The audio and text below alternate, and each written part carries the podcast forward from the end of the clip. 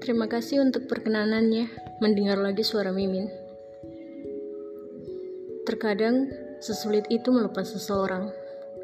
Bukan karena sayang, tetapi karena takut akan penyesalan. Takut untuk melepas sebuah berlian.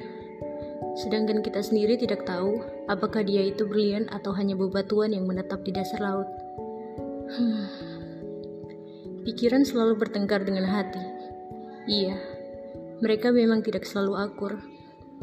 Kalaupun mereka sampai akur, itu karena salah satu dari mereka mengalah. Sudah sama seperti menjalin hubungan saja.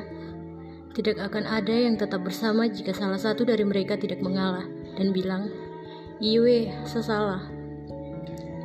Bicara soal hubungan, jangan menaruh semua perasaan pada seseorang. Sisakan itu untukmu juga. Kamu lebih perlu itu daripada dia yang tidak tahu akan bertahan berapa lama denganmu. Entah selaksa hari, entah selusin bulan, kita tidak pernah tahu itu. Jangan sakit hati untuknya. Jaga kesehatan juga.